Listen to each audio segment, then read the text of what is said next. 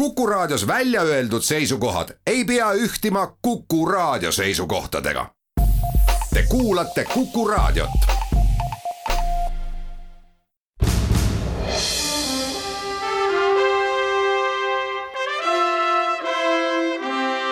vahetund Postimehega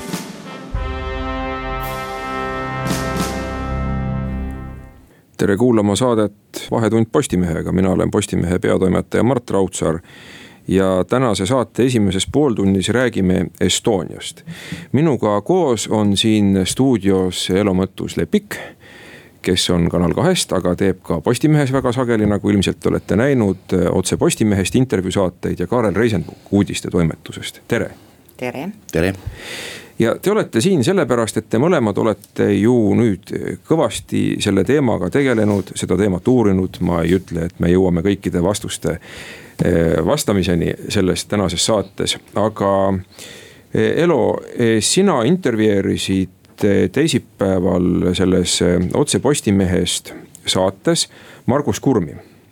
ja selle põhjal, ma saan aru, ju ilmus ka teisipäevases Postimehes lugu pealkirjaga Kurm kinnimätsimise püha üritus ei lõppe.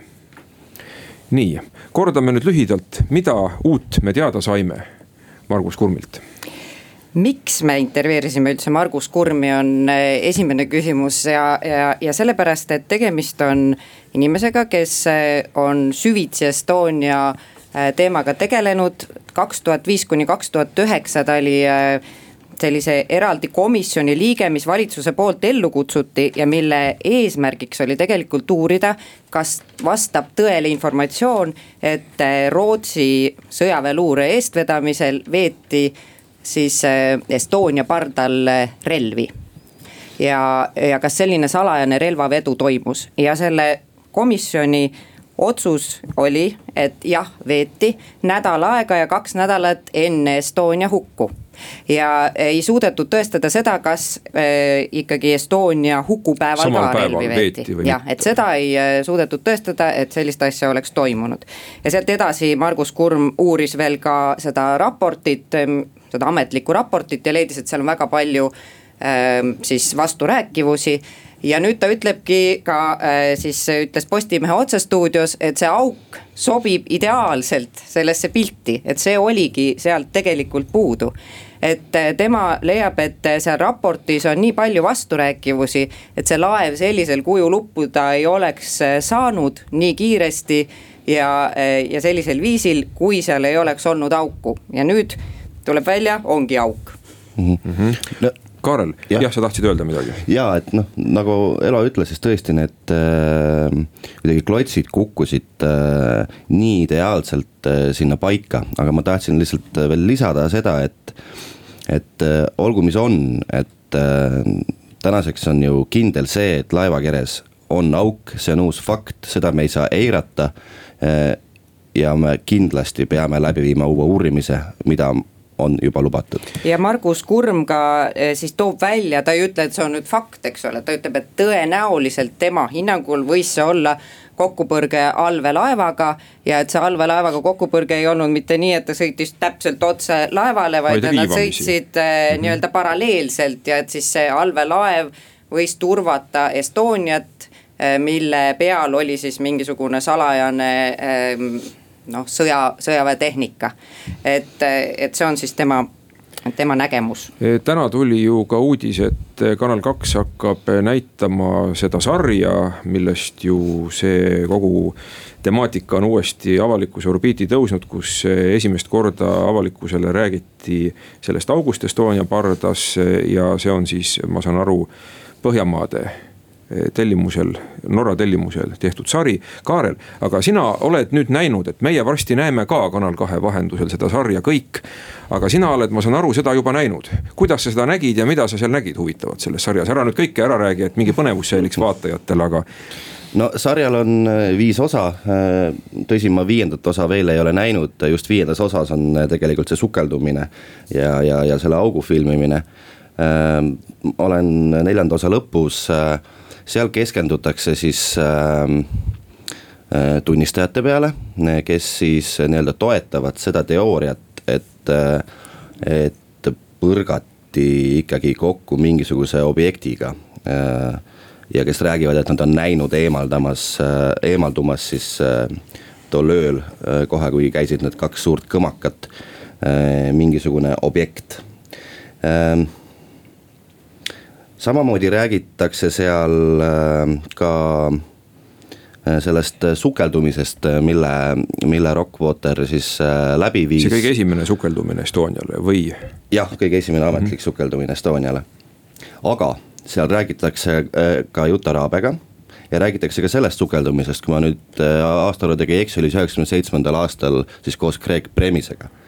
ja, ja sealt tegelikult tuleb välja, et ka Juta Raabe ja Premise meeskond avastas juba tol hetkel äh, sellise nii-öelda pooliku augu, aga tol hetkel oli siis see nende kividega nii-öelda kaetud. ja seal on ka see kaader olemas, et mingisugune aimatav augukoht sealt kivide alt paistab ja nagu me tänaseks teame, siis on laev natukene seal vee all liikunud ja see auk on siis nüüd nähtavaks tulnud. ja siinkohal ütleksin, et kuidas need kivid sinna said, et tegelikult äh, omal ajal mõeldi, et see Estonia kaetakse betooniga, see otsus tuli praktiliselt kohe Äh, peale seda, kui see laev ka äh, hukkus, et, et teeme hauarahu ja paneme, katame selle justkui nagu mingi sarkofaagiga ja siis see jäi, jäi ära, aga viidi sinna tohututes kogustes kruusa.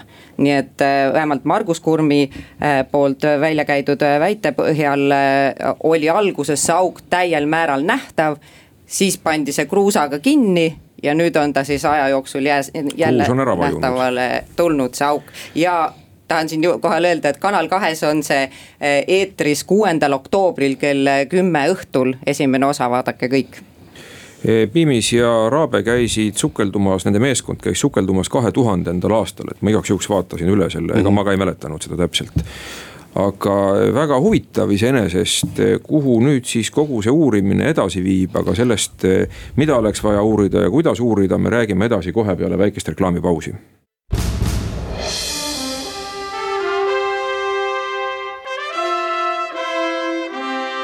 vahetund Postimehega.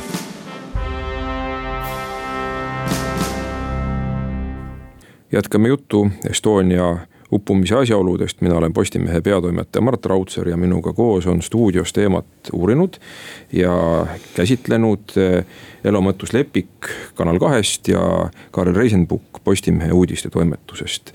ning nüüd täna just mõni aeg tagasi oli mul väga huvitav intervjuu oma saates Raudsaare dialoogi talvearheoloog Vello Mässiga.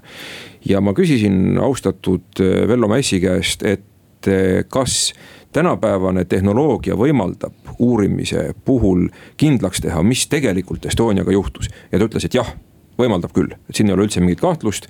tal on ka endal teatud arvamus, aga ta ei rutta seda avaldama, enne kui ta ei ole näinud neid kaadreid, mida me kõik siis varsti ka näha saame selle dokumentaalsarja vahendusel. kuid, mis on huvitav siia kõrvale panna, täna hommikul ma kuulasin Vikerraadiost siis ülevaadet Eh, Põhjamaa lehtedest, mida Margita Otsma vahendas. ja Põhjamaades, Rootsis konkreetselt ei soovita, vähemalt avalik arvamus ei ole seda meelt, et peaks midagi uurima ja seal mitmed arvamusliidrid ütlevad, et see kõik on ainult üks tohutu spekulatsioon. et mida siin uurida, samas mina ütlen nii, et spekulatsioon jääb õhku nii kaua kuni me seda asja põhjalikult ei uuri ja tõepoolest tehniliselt ma ei näe ka ju, miks me, miks me ei saaks seda teha, sest on ju sukeldutud Titanicuni, mis on sügaval, kordades-kordades sügavamal merepõhjas, on tehtud 3D mudel on täpselt ära kaardistatud kogu äh, väli, vraki väli, kuna ta ju murdus pooleks ja kõik need tükid hajusid seal küllaltki suurel territooriumil, kõik need väikesed tükid on üles leitud.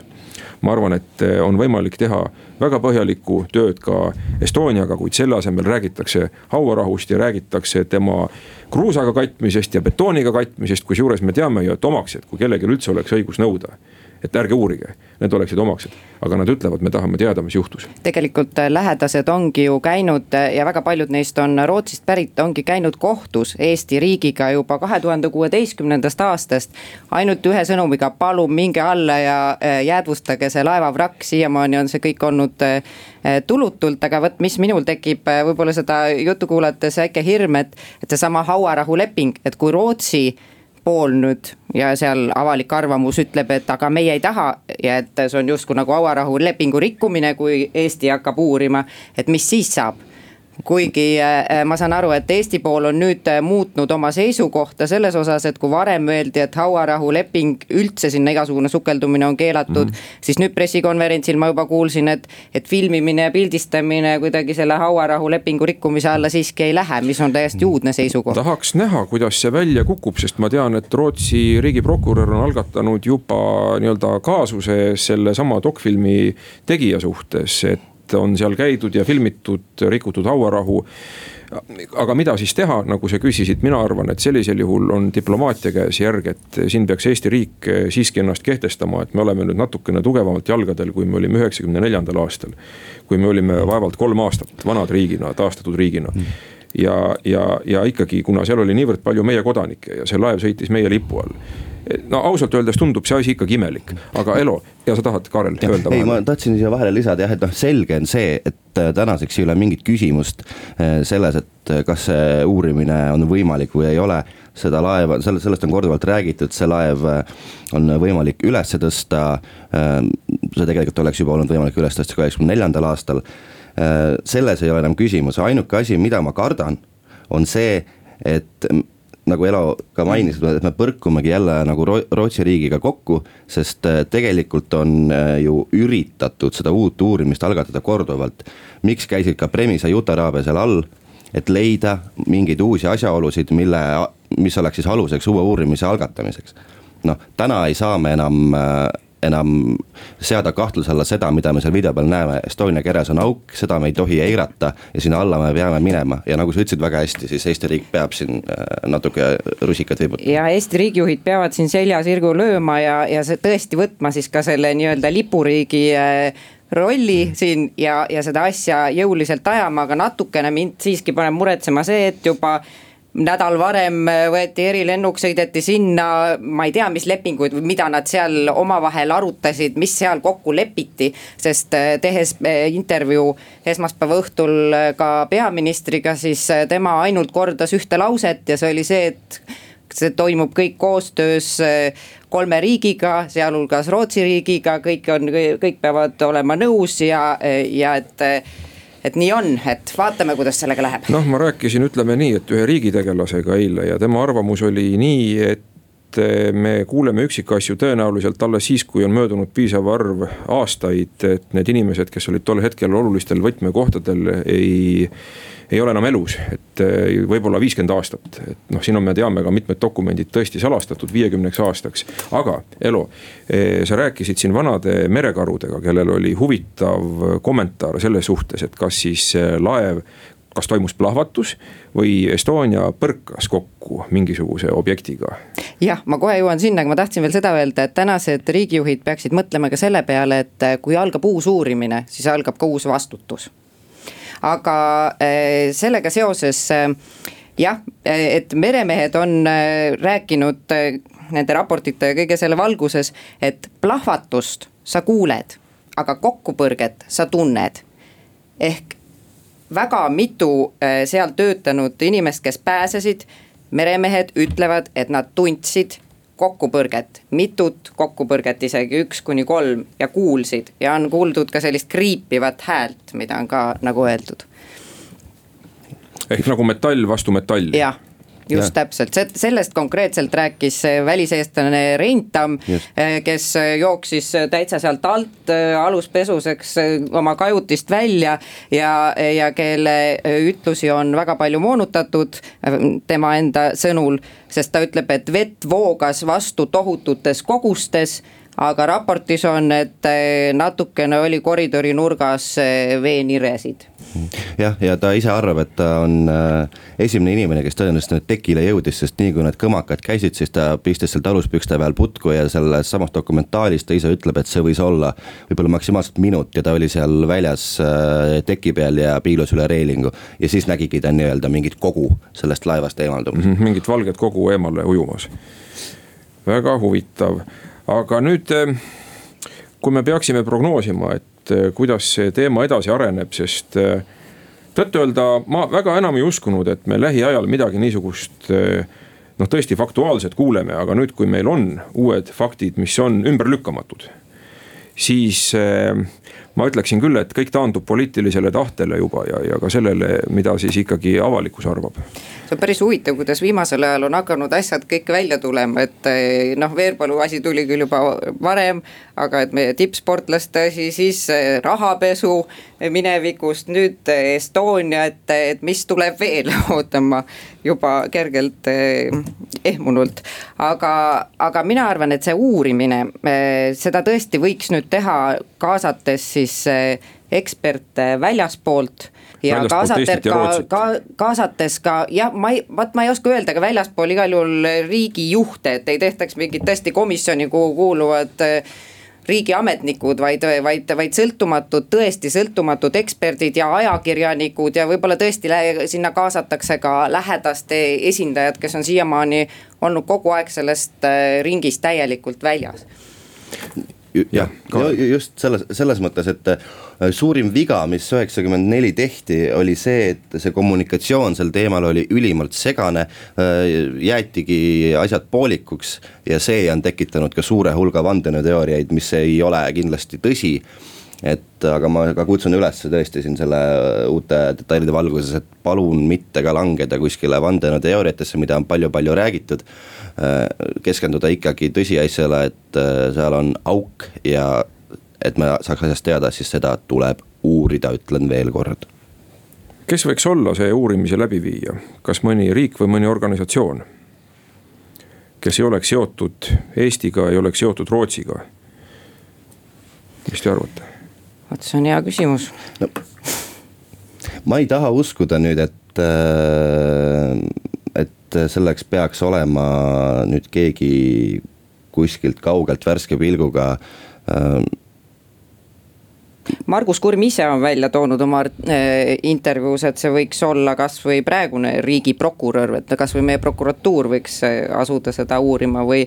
Äh, või noh, et, et igal juhul ei oleks need ametiisikud ja et ei saadetaks sinna Rootsi tuukreid alla noh, lihtsalt puhtalt juba sellepärast, et siin võib tekkida väikene usaldusküsimus, et. Eh, no mis siin salata, see on juba tekkinud tegelikult ja mis mind paneb imestama, on see, et Rootsis ei ole see teema veel niivõrd päevakorral, kuigi ta juba tuleb. ma peaksin ütlema, nii et ma arvan, et kui ka poliitikud Rootsis ei ole seda uurimise meelt, siis kindlasti avalikkus ühel hetkel hakkab neid survestama ja omaksed ka, aga nii palju praegu Estoniast, jätkame Eesti eelarvega peale reklaami stuudios olid Elo Mõttus Lepik Kanal kahest, Kaarel Reisingpukk Postimehe uudistest ja mina, Mart Raudsaar, Postimehe peatoimetaja.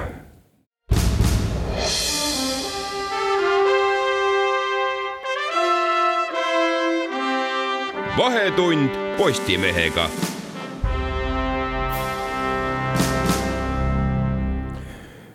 veedame edasi Vahetundi Postimehega, mina olen Postimehe peatoimetaja Mart Raudsaar ja kõneleme eelarvest. nüüd sel teemal on minuga stuudios ühinenud Erik Aru. majandustoimetuse juhataja ja Henri Laur Allik, kes töötab ka meil uudistetoimetuses Postimehes. ja Henri, sina ju oled üks autoritest eh, artiklil pealkirjaga Kõik said eelarvest prääniku, mida me võime lugeda tänases Postimehes kohe teisel leheküljel. ja äsja, kui sa stuudiosse tulid, ütlesid, et kümme minutit tagasi umbes tuli ära siis ka selle eelarve seletuskiri. aga kuna tegemist on neljasaja leheküljelise dokumendiga, siis arusaadavatel põhjustel me ei ole suutnud veel seda kõike läbi lugeda. aga midagi me ju siiski teame selle tõttu, et me oleme Postimehes avaldanud viimastel nädalatel eelarveteemalist sarja ja võiks öelda, et selle sarja osa on siis ka see lugu Kõik said eelarvest prääniku aga kes siis said prääniku ja kui suure selle loo põhjal, mida sa, Henri, ütled meile? Äh, jah, äh, kui me seda lugu hakkasime eile ette valmistama, me ei teadnud, mis sealt tulla võib, aga mina ja Anna Põld, siis loo teine autor, äh, võtsime selge fookuse just see, et mida keegi saab, et. ja ma käisin eile ka Stenbocki majas, kus koalitsioonipartnerid siis seda eelarvet ka esitlesid, hakkasid nii-öelda numbreid pilduma ja seda esitleti kui suure võiduna, et äh, kõik äh, said midagi, mis nad tahtsid, Keskerakond sai oma erakorralise pensionitõusu, nende mm -hmm. valijale tore. Isamaa, kes äh, ka, mille kohta me oleme ka pikemalt rääkinud, palju poleemikat tekitanud. riigikaitsekulude langetamise debatt, nemad saavad nüüd seda väga suure võidu. ma saan aru, et me saame keskmaa õhutõrje me saame rannakaitse, keskmaa õhutõrjet ei saa. aa, siiski ei saa, rannakaitse saab. aga Isamaa võit oli just see, et nominaalselt äh, ei langetatud riigikaitsekulusid ja ikkagist äh, tõsteti nii-öelda selle rannakaitse arvelt ja nii-öelda äh, EKRE ma saan aru, saab äh, raha oma sisejulgeolekusse ja oma sisekaitsereservi. ja kindlasti üks asi, mis on võib-olla kulisside taga, ma nüüd spekuleerin. et millel ei ole rahu, raha, rahalist väärtust, on kindlasti EKRE sai ka oma referendumi, mis siis äh, tuleb järgmisel aastal. ohohoo väga huvitav, et tundub, et kõik said, aga Eerik, ma sain aru sinu varasemast jutust, et ega vist äh, turismiettevõtjad ikkagi nagu ei saanud, kuigi nad midagi ju said, aga aga see on selline nagu nälju, näljapajuk pisut. jah, võib arvata, et nad on praegu väga pettunud, et põhimõtteliselt reisilaevandus küll saab seitse koma seitse miljonit, aga noh, see on üks pakett, mis oli ette teada juba. Aga siis turismiettevõtetele antakse siis viis koma kaheksa miljonit, mida ei ole üldse palju, esiteks ja teiseks on tegelikult raha, mis on ühest meetmest lihtsalt üle jäänud, mida te, keegi teine ei tahtnud ja siis leiti, et võiksime siis neile ka midagi visata. no nii mis see nüüd kaasa toob meie, kui sa oled rääkinud allikatega, on nad nagu valmis juba siirduma teisele tööle? eks nad on ju tegelikult juba ammu rääkinud, et tegelikult Tiit Pruuli andis ju intervjuu, kes on siis turismi majutusettevõtete liidu esi, esimees ja, või president on vist on see tiitel ja. ja siis ta ütles, et muuhulgas ta ütles ka seda, et ka äri lõpetamine on äri osa, et ega siin ei maksa seda häbeneda. nojah, aga mida me teeme siis nende kõikide hotellidega, mis tühjaks jäävad, et siitsamast stuudioaknast me ju näeme Swiss hotelli ja me näeme siin olümpiahotelli ja. ja meil on ju ja Hilton on ka näha siit, et neid ju ikkagi on päris palju neid pindu, aga keda me ei näe, me ei näe turiste eks siin ju see teatav lootus on, et mingi aja pärast nad tulevad, aga muidugi siin näiteks äh, Rahvusvahelise Lennundusettevõtete Assotsiatsiooni või Õhutranspordi Assotsiatsiooni juht ütles, et, et ootavad õhutranspordi taastumist mitte varem kui aastal kaks tuhat kakskümmend neli varasemale -hmm. tasemele, et ega selle turismiga siin lähiaastal nagunii midagi head ei saa olema. kui me tuleme selle loo juurde tagasi pealkirjaga Kõik said eelarvest prääniku tänases Postimehes, siis äh, siin on üks huvitav või kaks huvitavat teemat, esiteks riigi võlakoormus kasvab hüppeliselt, nagu me näeme. ja teiseks räägitakse just nagu kärpimisest, kuna sidebar või lisalugu on pealkirjaga opositsioonipoliitikud. jääb arusaamatuks, kust plaanitakse kärpida, Henri Laur, mis see kärpimise jutt siin selle eelarve kontekstis siis on? huvitav oligi just see, et eh, eile, kui ma Stenbocki majas käisin, siis kärpimisest ei tahtnud või ei tahtnud keegi juttu tehagi, et äh, räägiti, et no praegu ei ole mõistlik äh, kärpida, sellepärast meie eelarve on ka nii-öelda kahe miljardiga miinuses, et kärpimisest keegi ei tahtnudki kuulda, sellepärast kõik saidki prääniku, et kuna kärpimist ei, ei olnudki. ja siin on ähm, kindlasti tasub äh, kriitika sellele, mida saab välja tuua, mida eelarvenõukogu eesotsas Raul Eametsaga tõi välja, et äh, selge pilt, praegu me võime, võime seda miinust lasta, aga äh, neile jäi arusaamatuks, et kuidas siis äh, kahe tuhande kahekümne neljandaks aastaks, äh, mis meetmetega kavatsetakse äh, see nii-öelda veepinnale tuua. nulli jõuda eelarve. jah, et see oli nii-öelda põhikriitika, et see on nii-öelda üks samm Kreeka teel umbes mm. -hmm no ja siin on ju ilmunud välja ka neid eh, majandusinimesi, kes ütlevad, et tulebki laenata, et ega seda laenu mitte kunagi tagasi maksma ei pea.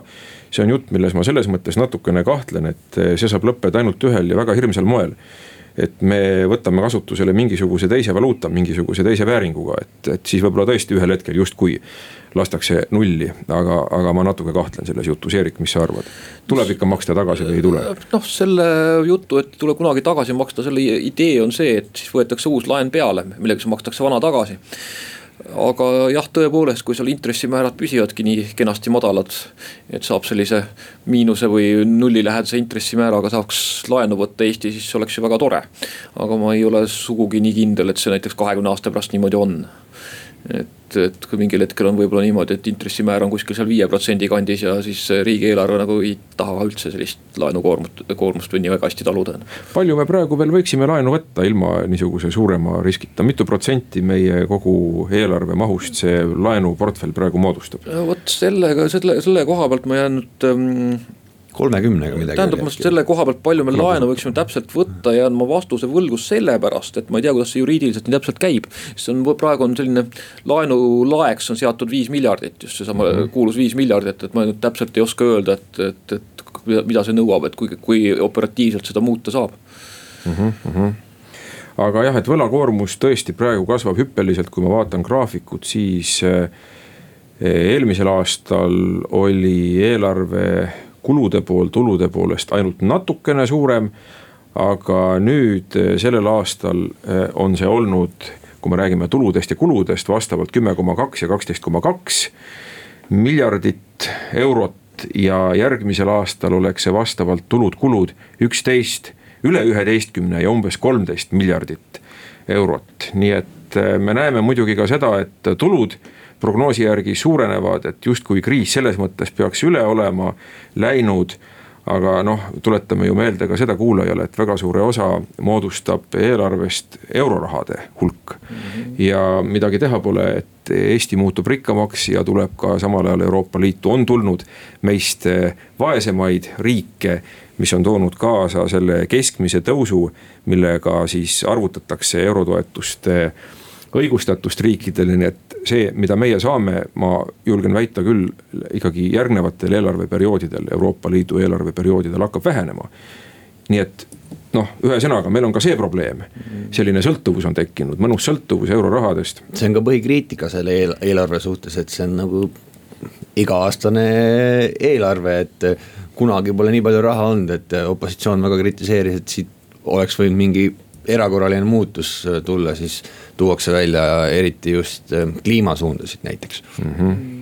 no ja midagi, mis aitaks meil paremini toime tulla ja säästa tulevikus tõepoolest see idee, mida ma kordan, me oleme siin stuudios ka varem natuke teises koosseisus rääkinud, et kui Eesti energeetika transpordi, kasvõi rongid, bussid, suured veoautod saaks panna vesiniku peale.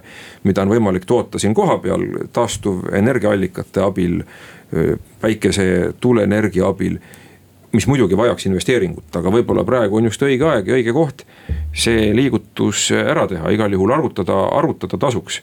mitte lihtsalt vaadata, et nüüd on niisugune tore aeg, kui me võime laenata laenamise pärast, aga igal juhul infrastruktuuri investeeringud oleksid hea mõte nii, aga ma tänan teid selle, selle vestluse eest, jälgime kindlasti huviga, ma saan aru nüüd Henri Lauret, sina ja ka Eerik, sina hakkate mõlemad lugema seda seletuskirja põnevusega, nii et lähiaegadel nii veebis kui paberis. me saame oma lugejatele anda lisainfot, et mis siis kõike head meile seal lubatakse. aga sellega praegu eh, eelarve teema lõpetame, edasi räägime Ameerika valimistest peale väikest pausi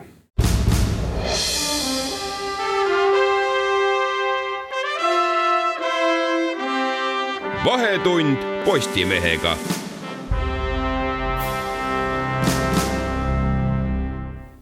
jätkame Vahetundi Postimehega, räägime Ameerika Ühendriikide presidendivalimistest ja nüüd on telefoni teel stuudioga ühenduses Margus Parts meie välistoimetusest, tere Margus. tere päevast ja me räägime presidendivalimistest täna eeskätt sellepärast, et öösel Eesti aja järgi toimus esimene teledebatt põhikandidaatide vahel me teame ju, et tegelikult kandidaate on ka rohkem, aga enamik neist on väga marginaalsed. põhikandidaadid, vabariikliku ja demokraatliku partei kandidaadid eh, Joe Biden ja Donald Trump astusid televaatajate ette. ja nagu ka sina enne saadet ütlesid, tegemist oli sellise enneolematu teistsuguse debatiga, kui varem me teame, et selline debati formaat on olnud juba kuuekümnendatest traditsiooniline osa Ameerika presidendivalimistest. mis siis nüüd seekord teisiti? no ega see formaat on loomulikult sama, mis ta on alati olnud, erinevus on lihtsalt see, et kui üldiselt valijad ootavad debatilt seda, et nad näevad tegelikult esimest korda kahte kandidaati äh, reaalajas lava peal ilma ettevalmistatud tekstita, nad näevad, kuidas kandidaadid tegutsevad pingeolukorras, kuidas nad selgitavad enda poliitikaplaane, äh, siis põhimõtteliselt tegelikult eilsest debatist midagi sellist äh, üldse ei paistnud.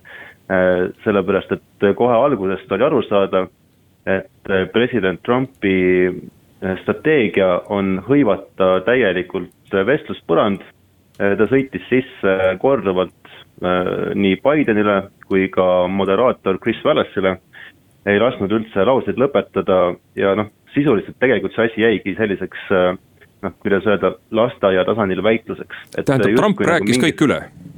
saan ma õigesti aru? täiesti üle, no mina vaatasin seda debatti hommikul järgi mm, -hmm. üheksakümmend minutit see kestis, neljakümne viienda minuti peal ma panin selle asja kinni ja ma mõtlesin, et ma lihtsalt loen ülejäänu kohta kokkuvõtteid, sellepärast et seda oli lihtsalt nii võimatu jälgida. Uskumatu. No tegelikult see ei ole uskumatu, sellepärast et vaadates Trumpi varemaid, varasemaid esinemisi, eh, ta on seda taktikat kasutanud ennegi, eh, kasutas seda ka kaks tuhat kuusteist Hillary Clintoniga, aga siis ta oli kuidagi noh, kuidas öelda, võib-olla rohkem siis eh, tsiviliseeritud või andis rohkem põrandat, kuigi noh, tsiviliseeritud sõna on natukene võib-olla palju kasutada nende isiklike rünnakute puhul, mida ta on alati siis enda arsenali kaasanud, aga jah, see aasta kuidagi, kuidagi see debatt nagu noh, ei paistnud üldse isegi mitte väitluse moodi välja mm. -hmm. no toona eelmine kord, kui oli presidendivalimiste debatt, siis oli ju Trump ka tagaajaja rollis ja ja võib-olla vaatajatele mõjus see vähemalt osadele neist kuidagi uudsena, millega ta seal hakkama sai, aga siin tekibki see probleem, et ta on olnud presidendiametis mõnda aega ja nüüd küsitakse, et küsitakse viljade järele ja arutletakse nende üle. nii et ma saan aru, nendest väga ju suurt juttu ei olnudki võimalik seal teha. et palju see Biden suutis küsida selle kohta, mida on Trump ma kindlasti vaatan ka ise selle järele, aga, aga ei ole veel näinud praegu, et kui palju Biden suutis küsida, et mida siis Trump on teinud oma nelja aasta jooksul Äh, vot see on väga hea point, mis sa välja tõid, et, et kui eelmine kord jah, Trump oli tagaaja rollis, siis ta praegu oleks pidanud justkui oma positsiooni kaitsma. Äh, no eks loomulikult äh, nii Vallas, noh moderaator siis tõstatas küsimuse, kuidas on Ameerika hakkama saanud siis Covid-19 kriisiga, kuidas läheb Ameerika Ühendriikide majandusel, nii edasi, et noh, selliseid väga olulisi punkte loomulikult oli päevakorras. Mm, et modereerimise nii-öelda alg baasi mõttes ei olnud häda mitte midagi mm. -hmm. aga kuna tegelikult Trump ei ole saanud ju nende asjadega väga hästi hakkama, noh, meenutame, et Ameerika Ühendriigid on koroonasurmade arvult es, endiselt esimeses maailmas. et noh, tegelikult ei ole mitte millegi üle nii-öelda uhkustada, siis Trump lihtsalt üritas kasutada oma tavapäraseid retoorilisi võtteid äh,, oponentidest üle sõita ja siis äh, presenteerida nii-öelda enda neid alternatiivseid fakte äh,, mis on siis kas täielikult valed või siis lihtsalt eksitavad ma olen lugenud eh, Ameerika Ühendriikide presidendivalimiste kampaania senise kulgemise kohta seda, et Biden ja tema meeskond on senini vältinud eh, Trumpiga sellist eh, debatti, vastandumist, vaidlust, avalikku vaidlust kus Trump on püüdnud teda mingitesse nii-öelda oma agenda punktidesse tõmmata, jutupunktidesse tõmmata. ja samal ajal ka Bidenit sildistades, Sleepy Joe ja öeldes, et ta on seniilne vanamees ja nii edasi ja nüüd on tegelikult eh, ma saan aru, arvamus Ameerikas jagunenud ka väga suuresti kaheks, olenevalt sellest, milline kandidaat kellelegi meeldib. kuigi sõltumatud vaatlejad siin ütlevad, et pigem selle debati võitis Biden.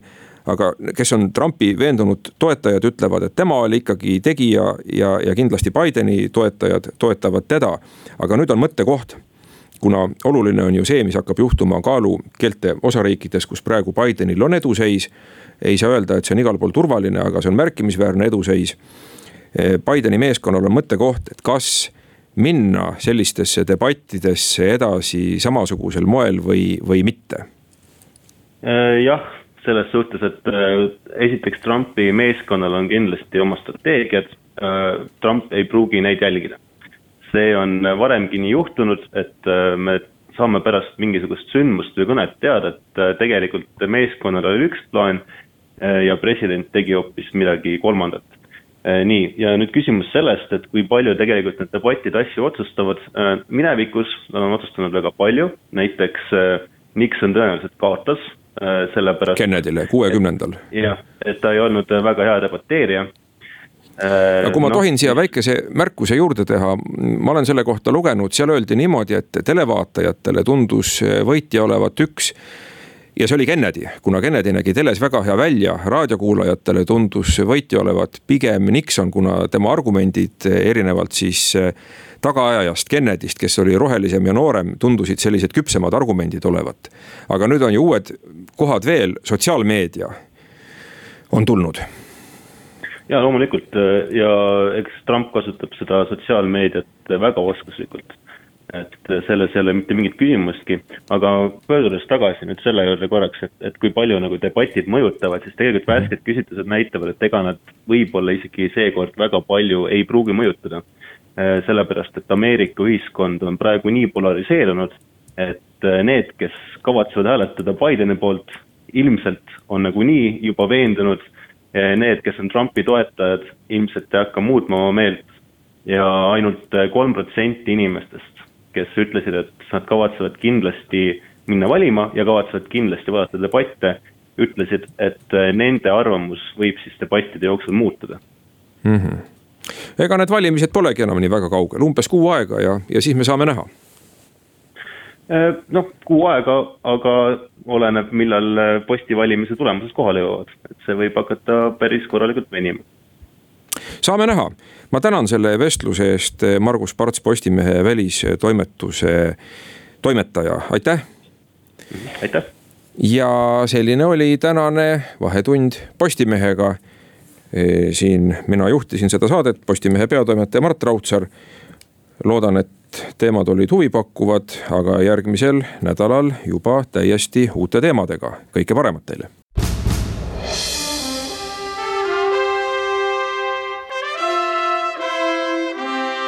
vahetund Postimehega